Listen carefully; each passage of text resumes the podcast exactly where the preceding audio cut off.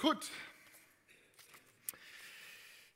Wij gaan vandaag uiteraard weer verder met onze serie um, Koninkrijk en Maskeren.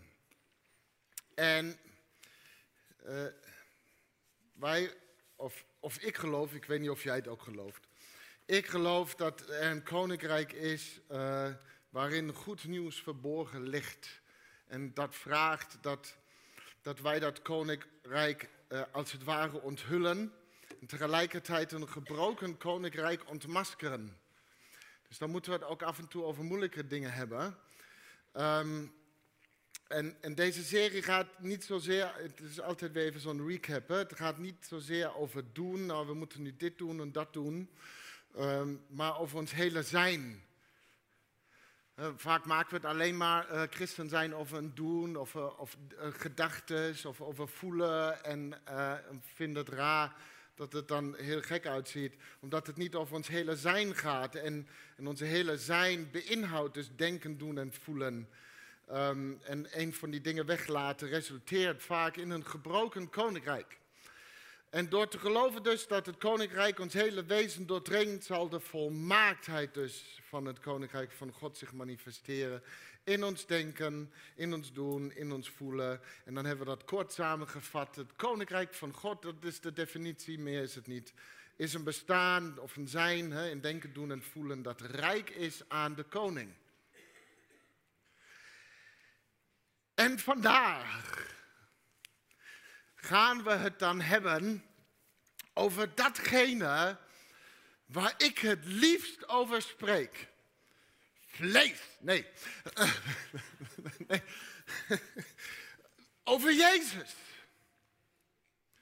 Over hoop. En over geloof. En over optimistisch de, de, de toekomst tegemoet.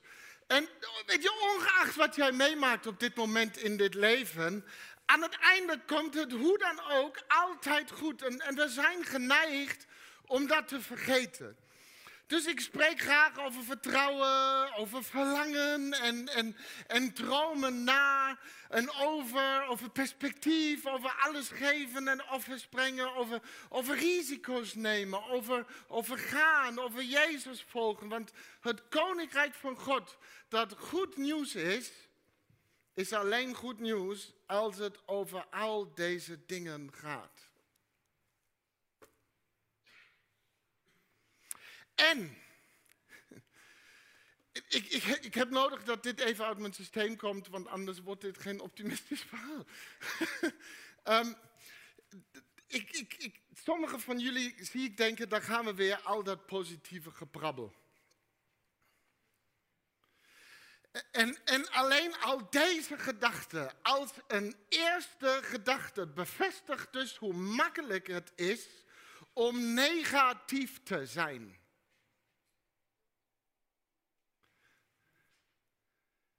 En hoe moeilijk het is blijkbaar om positief te zijn. Het, ik heb het al eerder verteld in een blessingfonds, maar het zijn de negatieve gedachten vaak die, die oppervlakkig en makkelijk zijn. Het is makkelijk om tot deze gedachten te komen, hebben we zo voor elkaar. Positieve gedachten zijn vaak diep en vragen prijs om er te komen, zijn we niet gewend. Maar, maar wanhoop is makkelijk, hoop vergt werk. Haten, super makkelijk. Liefde vergt een offer. Hebzucht, super makkelijk. Vrijgevigheid is, kost je wat. Een kan kiezen en oordelen en op aannames afgaan, super makkelijk. Bruggen bouwen, kwetsbaar zijn, mega ingewikkeld en pijnlijk. We geven zoveel tijd aan pessimistisch zijn omdat het ons gewoon makkelijk afgaat. Soms ervaren we zelfs voldoening als we weer, zie je wel, mogen zeggen. Zie je wel. En dan, dan, krijg je ook nog een titel, dan mag je realist noemen, gefeliciteerd. Zie je wel. Maar, maar in de tussentijd gebeurt er niks. Geen idee, geen initiatief, geen inspiratie, geen beweging. In, in een gebroken koninkrijk zeggen de verkeerde mensen, zie je wel. Eh, want, want het je wel, is, niet voor pessimisten. Het zie je wel betekent namelijk dat je wel iets ziet. Het zie je wel is voor hen die het wel deden terwijl anderen zeiden dat het niet gaat lukken. Zij mogen zeggen, zie je wel. Alle, alle innovatie en vooruitgang in deze wereld werd door iemand bereikt. En er was ook altijd een ander iemand die zei, dit kan niet. Weet je nog wie dat was? Nee, want die deed niks.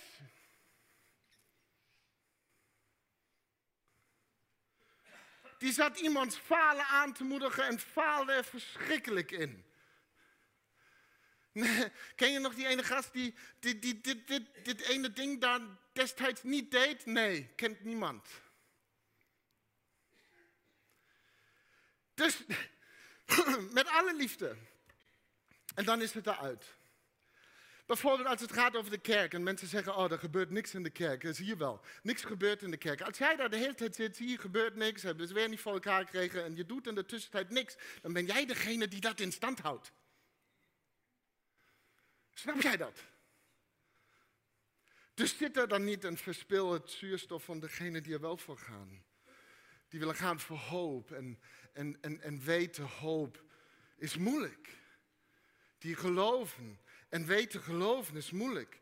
Die vertrouwen en dromen, eh, eh, het is allemaal moeilijk. En toch vertrouwen en dromen, het kost iets. We zijn dus ergens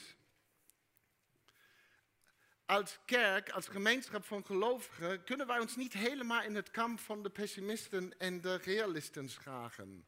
Ik hoop dat je dat weet. Weet, um, weet je, gemiddeld, gemiddeld is realistisch. Is enorm realistisch. Gewoon is realistisch. Normaal, alledaags is realistisch. Maar dit, dit hier zitten en geloven dat we deze tijdgeest tegemoet kunnen treden met geloof en hoop en dromen van een betere wereld, dat is uitsteken, dat is excelleren, dat is, dat is overtreffen. Dus wat wij hier doen is gewoon niet realistisch. Wij zijn geen realisten. En daarom is het ook zo moeilijk. Het kost iets. Jezus volgen is moeilijk. Dus laten we het samen lezen. In Matthäus 16 vanaf vers 24. Jezus gaat daar zelf ook over en zegt daar iets. Toen zei Jezus tegen zijn leerlingen, wie achter mij aan wil komen, moet zichzelf en de tijdgeest die hem bezet verlogenen. Zijn kruis op zich nemen en mij volgen. Want ieder die zijn leven wil behouden, zal het verliezen. Maar wie zijn leven verliest omwille van mij, zal het behouden. Wat heeft een mens aan de hele wereld te winnen als dat ten koste gaat van zijn leven? Wat kan hij in ruil voor zijn leven? Wat kan hij geven in ruil voor zijn leven? Wanneer de mensenzoon komt in gezelschap van zijn engelen en bekleed met de stralende luister van zijn vader, dan zal hij iedereen naar zijn daden belonen. Wie achter mij aan wil komen, volgeling zijn. Laten we het daar maar over hebben vandaag. Volgeling zijn. Het evangelie is zo radicaal dat als we de boodschap ervan werkelijk zouden geloven, alle aannames die we momenteel hebben over de manier waarop we leven, hoe we onze tijd gebruiken, met wie we omgaan en zoveel meer ter discussie zou staan.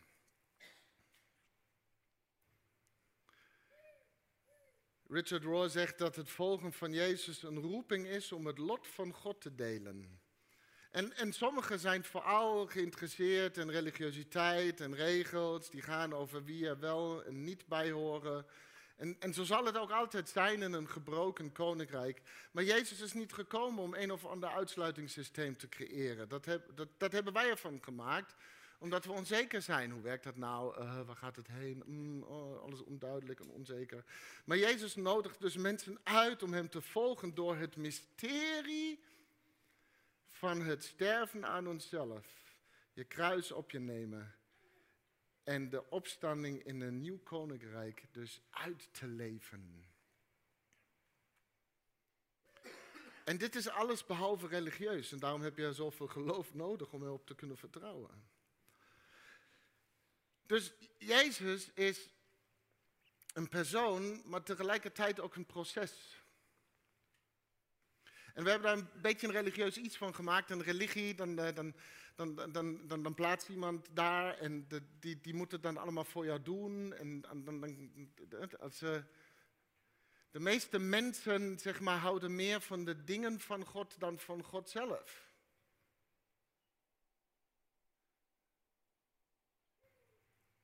Wat hij geeft, de kracht die hij geeft, de herstel die hij geeft, de genezing, de troost en al die dingen, in plaats van God zelf.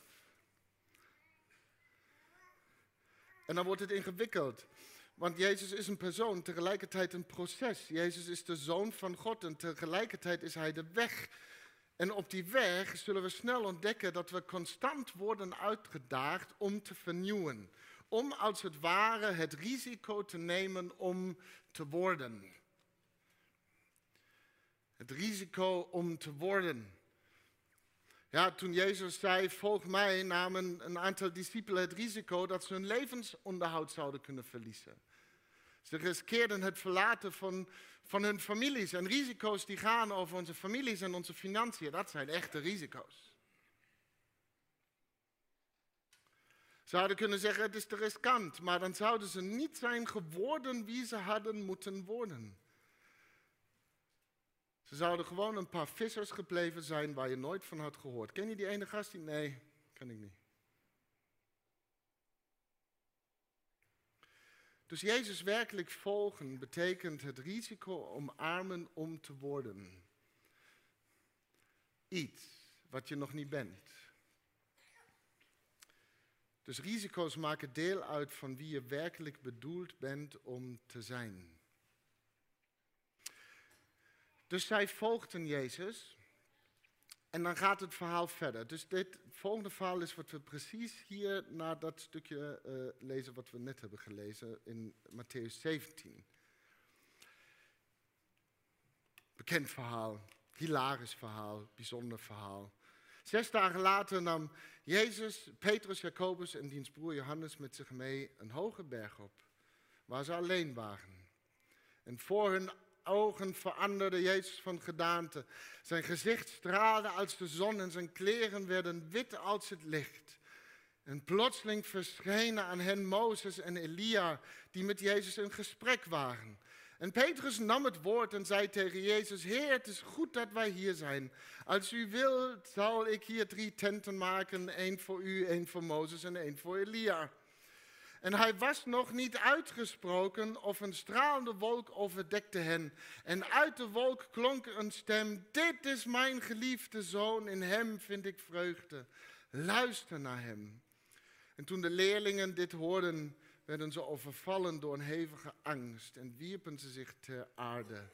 Jezus kwam dichterbij, raakte hen aan en zei, sta op, wees niet bang. Ze keken op en zagen niemand meer. Jezus was alleen. Als je Jezus gaat volgen, eh, kan dit soort onzin gebeuren.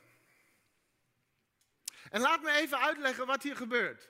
Ja? Dus Jezus neemt Petrus, Jacobus en Johannes mee op een berg. Allemaal duidelijk en plotseling verandert hij van gedaante. Allemaal ligt een glorie en plotseling verschijnen, verschijnen ook nog twee grote namen. Mozes en Elia. En, en geen idee wat jij had gedaan, maar hier is wat, wat Petrus deed.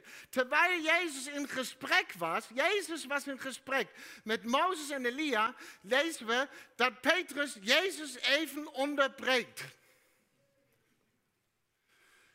Dat moet het lef even hebben.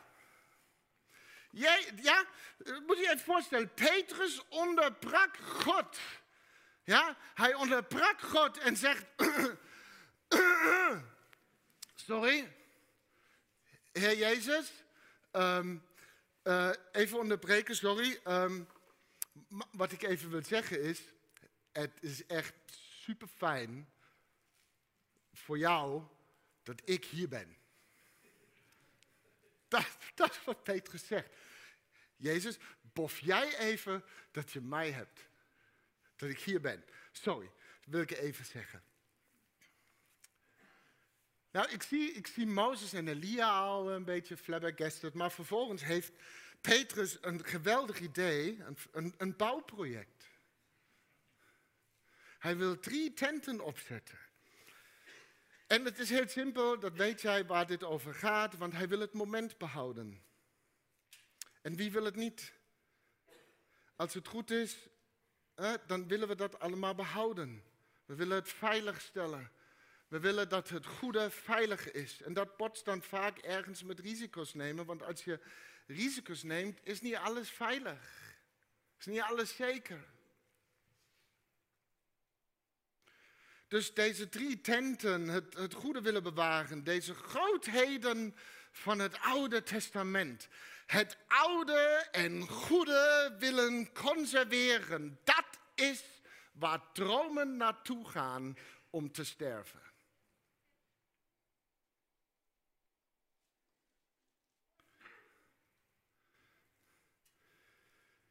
Maar risico's nemen betekent verandering verwelkomen en, en omarmen. En jullie weten dit allemaal. Ik weet, jullie weten dit. En toch staat de kerk op een of andere manier vaak meer bekend voor haar nostalgie dan voor haar hoop. En innovatie. Of bereidheid om risico's te nemen vanwege de roeping. Om de oude mens op te laten staan in nieuwe schepping. Dus Gods handelen in deze wereld is een, is een stroom als het ware van constante transformatie.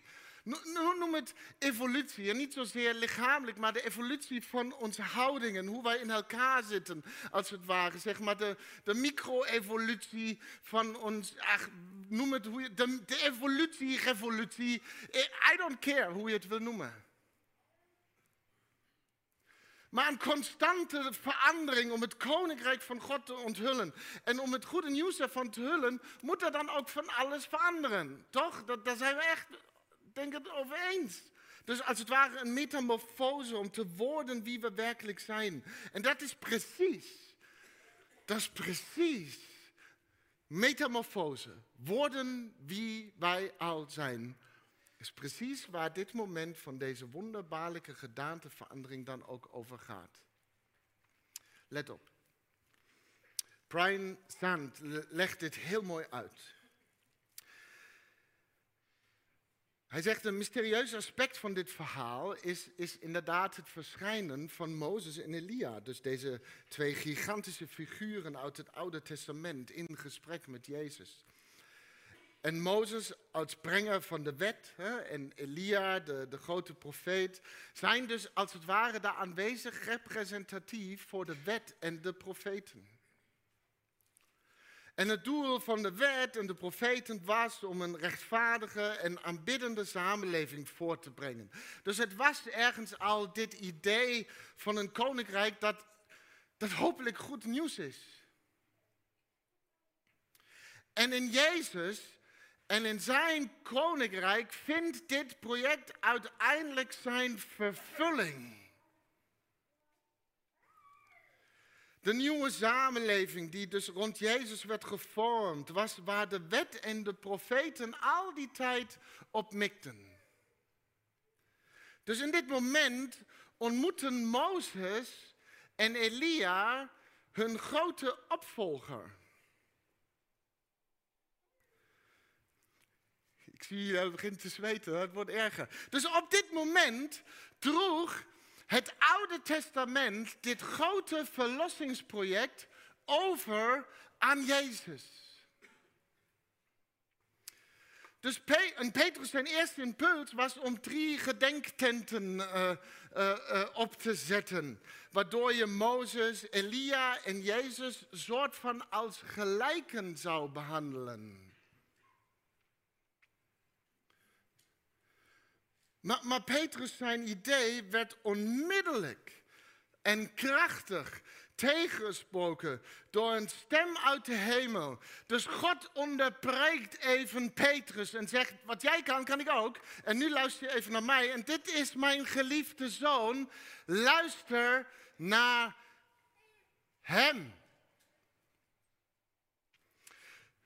Dus Jezus is het ware en levende woord van God. Jezus is het woord van God dat mens werd. En hij is de weg en het nieuwe leven. Jezus is waar de wet en de profeten naar wijzen, waarvoor zij buigen.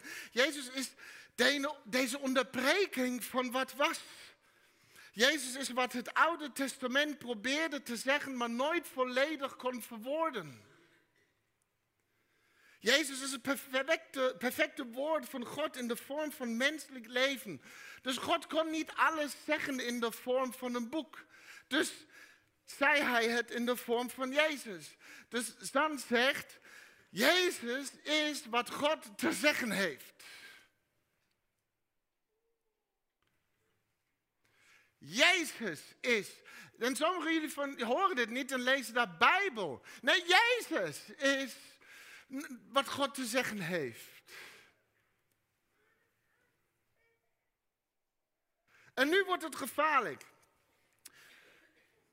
Volgens dan dus is het Oude Testament staat dus niet op gelijke hoogte met Jezus. De Bijbel is geen platte tekst waarin elke passage even zwaar weegt.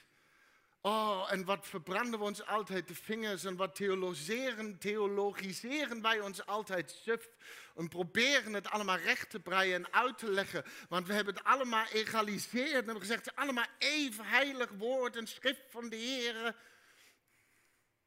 En we lopen vast. We lopen vast. Maar nou,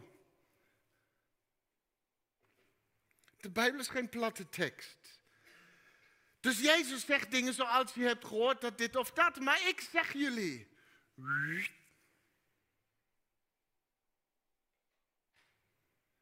Als we het Oude Testament evenveel autoriteit geven als Christus, klinkt een stem uit de hemel die zegt, nou even onderbreken, dit is mijn geliefde zoon. Luister naar hem. Dus als Mozes bijvoorbeeld dingen Hartstikke gezellig. Maar, weet je, als hij dingen voorschrijft als de doodstraf, zegt God, ah, ah, ah, luister naar Jezus. En Jezus zegt, ik verlang naar barmhartigheid. Als Elia vuur uit de hemel afroept, zegt God, wacht even, luister naar Jezus. En Jezus zegt, heb je vijanden lief.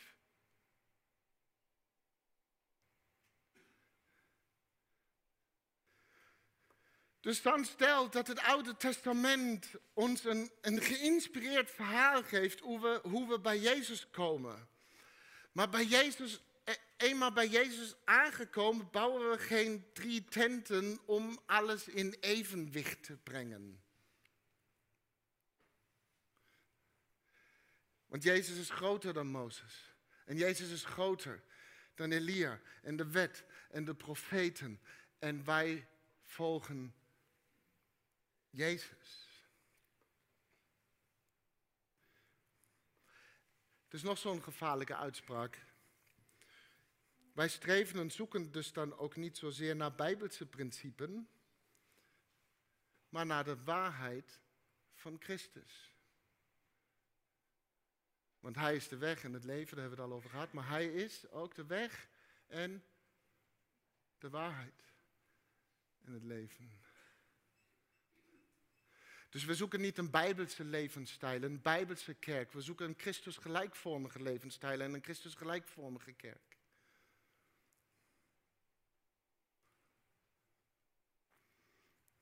Dus veroveringen, oorlogen, vergeldingen, slavernij en vrouwen wat we, eh, die als eigendom worden beschouwd, dat is allemaal bijbels. En wat strooien we in deze tijd met Bijbelteksten om te verklaren wat daar allemaal aan het gebeuren is? Hartstikke goed, maar no. Want in het licht van wat daar gebeurde op die berg moeten ze allemaal worden verworpen. Snappen we dat? Alles veranderde. Metamorfose. Worden wie jij bent. Dus wat ooit aanvaardbaar was in het zwakkere licht van wet of profeten, wordt nu verworpen in het licht dat helderder is dan de zon dat van het gezicht van Jezus afstraalde.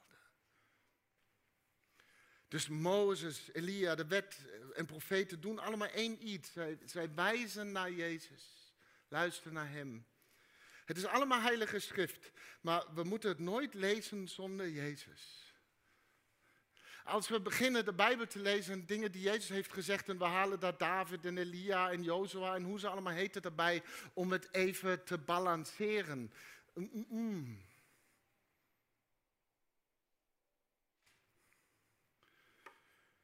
Dus we lezen dit verhaal en dan lezen we daar in uit de wol klonk een stem. Dit is mijn geliefde zoon en hem vind ik vreugde. Luister naar hem. En dan, dit moment kan het niet duidelijker maken. En ze keken op en zagen niemand meer behalve Jezus.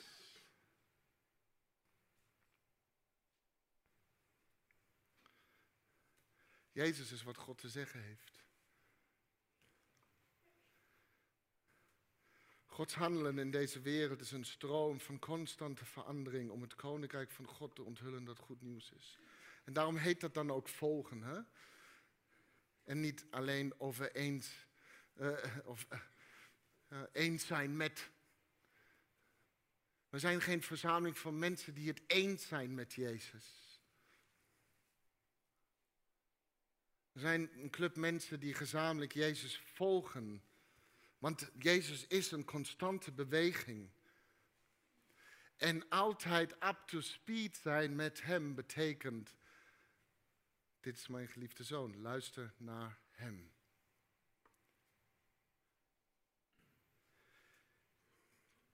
En wat mij dan zo zorgen baart, is dat sommige gelovigen al, al jarenlang stilstaan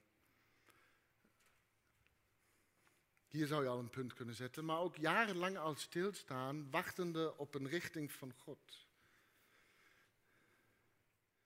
En het resultaat is dat er gelovigen zijn die het absolute minimum bereiken, terwijl het, waar ik even die scheiding zo aanbrengen, ongelovigen, terwijl ongelovigen groot stromen van oplossingen voor wereldcrisissen.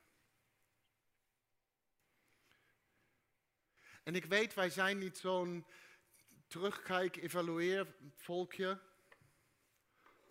We houden van evalueren, alleen als iemand een fout heeft gemaakt en nu hebben we een groep mensen nodig die het dan dat vertelt. We zijn meestal niet degene die de fout hebben gemaakt die graag willen evalueren. Het zijn altijd degenen die je willen laten voelen dat je een fout hebt gemaakt.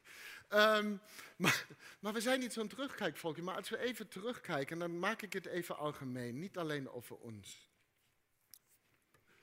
Dan viel het mij bijvoorbeeld op als we even terugkijken in die coronacrisis. Oh, boos woord. Maar toch even kijken. Dat het leek alsof de wereld meer hoop had dan de kerk. De wereld was, oh, dit gaat mis, hier moeten we iets doen. Oh, ik heb een idee. En ze hebben het gefixt. De kerk had, oh, dit gaat mis, heer. Kom spoedig.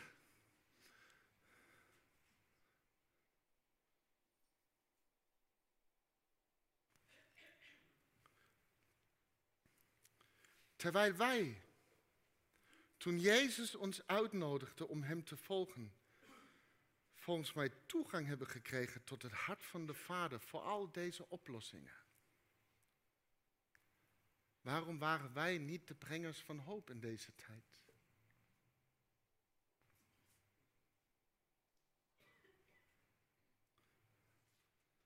Als we stilstaan naast onze tenten waarin we het goede oude bewaren, bang om risico's te nemen, zullen we nooit gebruik maken van, van deze toegang. Want we, we verblijven op een berg. Denk je dat het licht altijd aanbleef daar?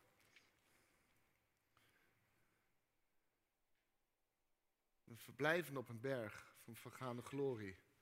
Met drie prachtige tenten.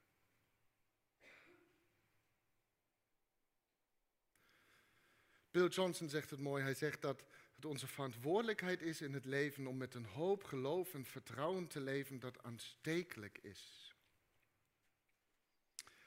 En, er is dus een, en weet je, er is een vorm van nepgeloof dat gewoon de realiteit ontkent. En ik weet, sommigen die willen dit verhaal niet horen. Dit is nu argument nummer één in je hoofd. Ja, dan is ontkent gewoon de realiteit. Laat me dit zeggen.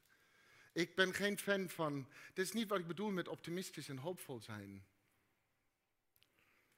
Een echt geloof ontkent niet het bestaan van een probleem, want als we dat doen, kunnen we er ook niks aan doen.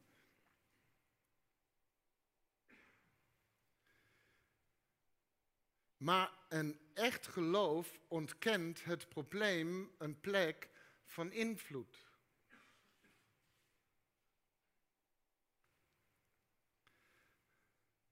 Want die plek behoort aan de hoop toe die Jezus is. Hij krijgt die plek van invloed. Hij heeft hem al ingenomen. Daar zit hij dan op zijn troon. In een koninkrijk van God dat goed nieuws is. En die hoop volgen wij dus. Dus dat, dat is altijd nadenken, wie geef ik welke plek? Weet je, een gebroken koninkrijk geeft het probleem een plek van invloed waar we dan stil bij staan. De plek waar twijfels als het ware floreren en de sierwels van deze wereld elkaar de hand geven.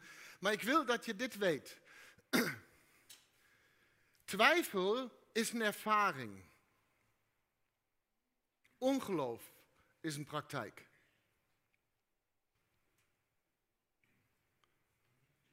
Twijfels is iets wat iedereen ervaart, maar, maar ongeloof is een praktijk. Ongeloof is echt een keuze om te pijnzen over en verteerd te worden door je twijfels. En weet je, iedereen zal twijfels hebben, maar jij en ik hebben een keuze welke plek wij ze geven. Het is de keuze om moedig te kiezen dus voor het risico om te worden zoals we zijn bedoeld. Brengers van hoop tegen alle realiteiten in, makers van, van nieuwe schepping. Want Mag ik dat zo zeggen? Het alternatief is dit. Het alternatief is een gebroken koninkrijk vol. Hier is een woord dat ik van mijn vrouw heb geleerd. Dan weet je waar het vandaan komt. Het gebroken koninkrijk is. Het alternatief is een gebroken koninkrijk vol azijnpissers. Waar de onzekerheid zo dik bovenop ligt, waardoor alleen nog maar vanuit aannames kan worden gecommuniceerd en binnenkort niemand ooit van heeft gehoord.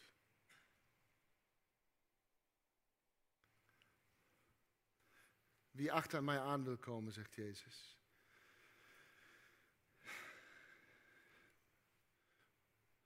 Moet die, in Duits zeggen we, innere zwijnehond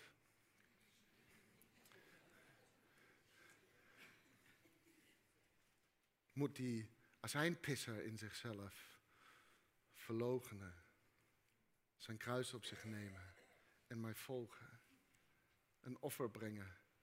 En tijdens de dienst realiseerde ik me dat het is een spelfout, want eigenlijk had er moeten staan offers brengen. Ik, ik heb die PowerPoint gemaakt, dus uh, jij, leest nu gewoon meer fout. Offers brengen. En misschien denk je, maar weet je, oh Dennis, dat heb ik al gedaan, vijf of tien of twintig jaar geleden. Toen hebben we een enorm risico genomen en dat kostte ons wel wat. Misschien als gemeente, misschien persoonlijk. Maar weet je wat toen al die jaren geleden. Neem, maar dat, neem dat voorbeeld van dit gebouw. Hoe lang staat het al, Philip? 30 jaar. Oh, by the way, onze beheerder is jarig vandaag. Yay! Toen hebben we een enorm, of hebben jullie, of velen van jullie, uh, een enorm offer gebracht. Om deze tent neer te zetten.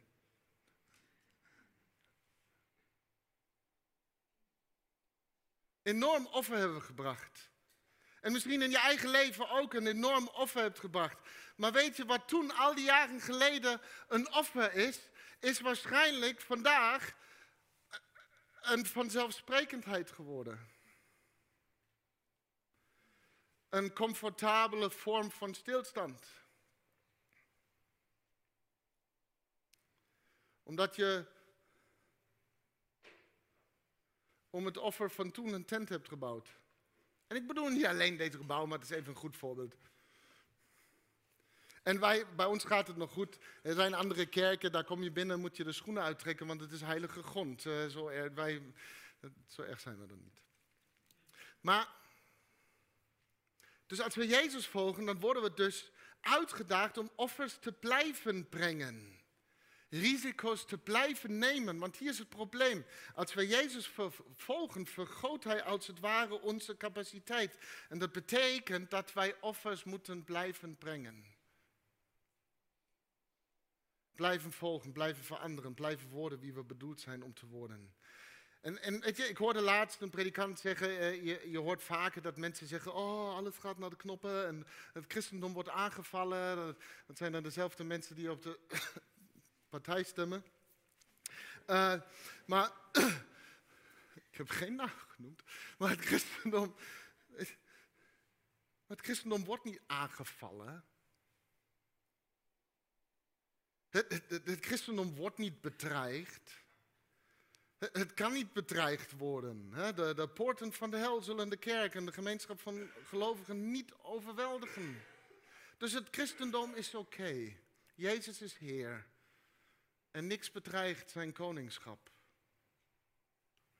Wat wel wordt aangevallen, is comfortabel christen zijn.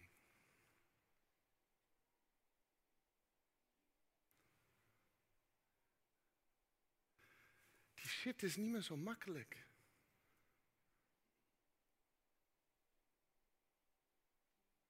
Dus dat verandert. En dat is een goede verandering. Want tenten worden afgebroken. Want we moeten verder. Dus de les van de berg toen het licht uitging, is dat, dat het ook weer een keer naar beneden gaat. naar het dal. Waar het minder comfortabel is. En Jezus gaat ons voor en zegt: Volg mij maar. Ik weet, het is niet altijd comfortabel, maar dat is ook niet het doel. Het, doel is om deze wereld met zoveel liefde en hoop en geloof en vertrouwen te injecteren dat het koninkrijk van God, dat goed nieuws is, in al zijn volheid wordt onthuld. En dat zal je wat kosten, maar wie zijn leven verliest omwille van mij, jongens, zal het behouden. Jezus zegt als het ware, kerel, it is good to be alive. Of je mag in je tent zitten. Weet je, de meeste avonturen die we aangaan met Jezus zijn spannend, want de uitkomst zal niet bekend zijn. Nou, straks, eh, eh, het doel, dat is wel bekend, dat komt echt goed. No worries, geen idee waar je vandaan komt, maar komt, alles komt goed. En als het nog niet goed is, dan is het nog niet het einde. Maar onderweg zijn, zijn er wel risico's. Uh, uh, die we nemen op een reis van leven en geloof. We weten niet hoe het uitpakt, maar hoe geweldig is dat to be alive.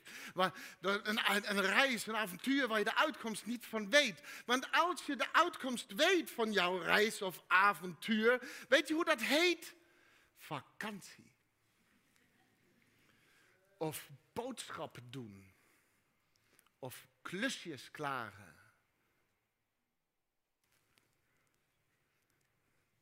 En geen van deze dingen is wat wij hier doen, want Hij is de weg en de waarheid en het leven. Wat een avontuur. Dus dit is mijn geliefde zoon. In hem vind ik vreugde. Luister naar hem.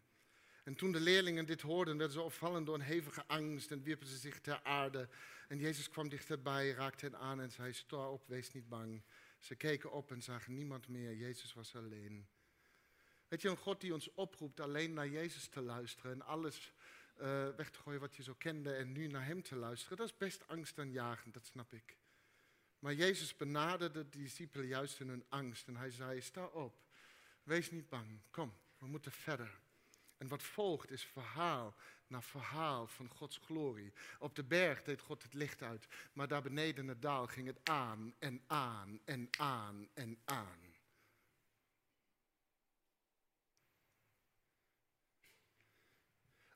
Uiteindelijk begonnen zich dus die discipelen steeds meer een betere wereld voor te stellen zoals God deze zag. En daarom weten we vandaag dus ook wie een Petrus en wie een Jacobus en een Johannes en een Andreas en hoe ze allemaal heten, wie die allemaal zijn. Ken je nog die gast toen die dit en dat deed? En wij zeggen ja, die ken ik, want God schreef zelfs een boek over hen.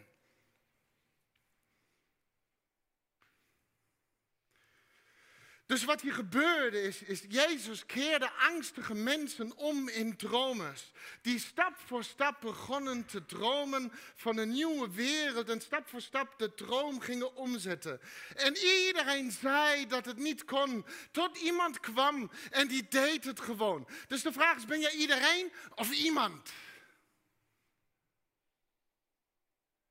Het risico nemen om te worden. Want weet je, dezelfde verbeeldingskracht die je gebruikt om te bedenken wat als het niet werkt, wat als ze mij niet mogen, wat als ze weglopen, wat als het mij niet lukt, wat als ik niet genoeg ben. Diezelfde verbeeldingskracht kan worden omgeleid en dan begin je opeens te pijnzen over dingen zoals wat als God komt opdagen, wat als God mij gaat gebruiken, wat als God daadwerkelijk onvoorstelbaar meer doet dan we ooit kunnen vragen, bedenken of ons kunnen voorstellen. Dus God keert angstige mensen om in tromers. Noem het maar bekering. Als jij bekeerd bent en nog steeds angstig bent, woon je in het verkeerde land? Dat snappen alleen maar de Calvinisten. Um,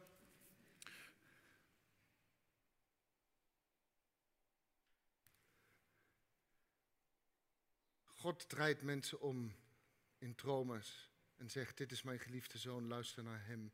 En de zoon zei, volg mij gaan vlammen. Jij denkt misschien dat je angst een vloek is, maar misschien is het een kracht die op wacht bekeerd te worden door tenten af te breken, stilstand te onderbreken en te volgen. Dus laat me dit zeggen. Soms vraag ik me af of we echt begrijpen hoe goed God is. Echt de liefde van God begrijpen zoals we zouden moeten en, en de diepte ervan. De lengte en de breedte en de hoogte. Volgens mij was Francis Chan die, die, die een keer zei, we begrijpen het soort van, we, we snappen het soort van en daarom volgen we soort van.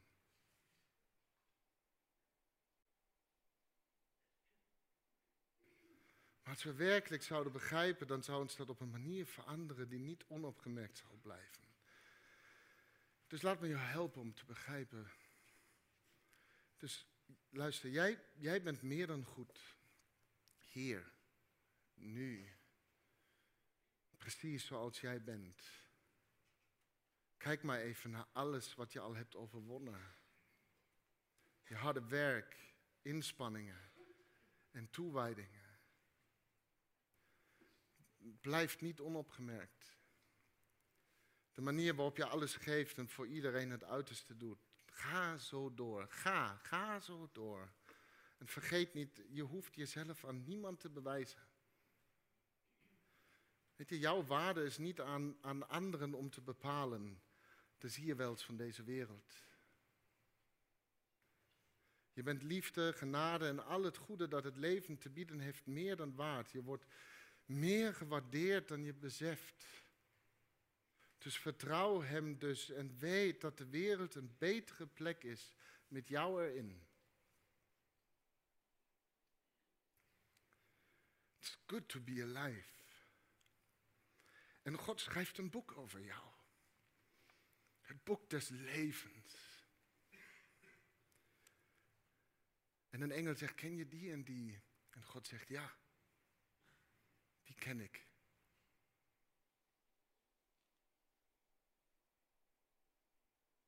Dus ga ervoor.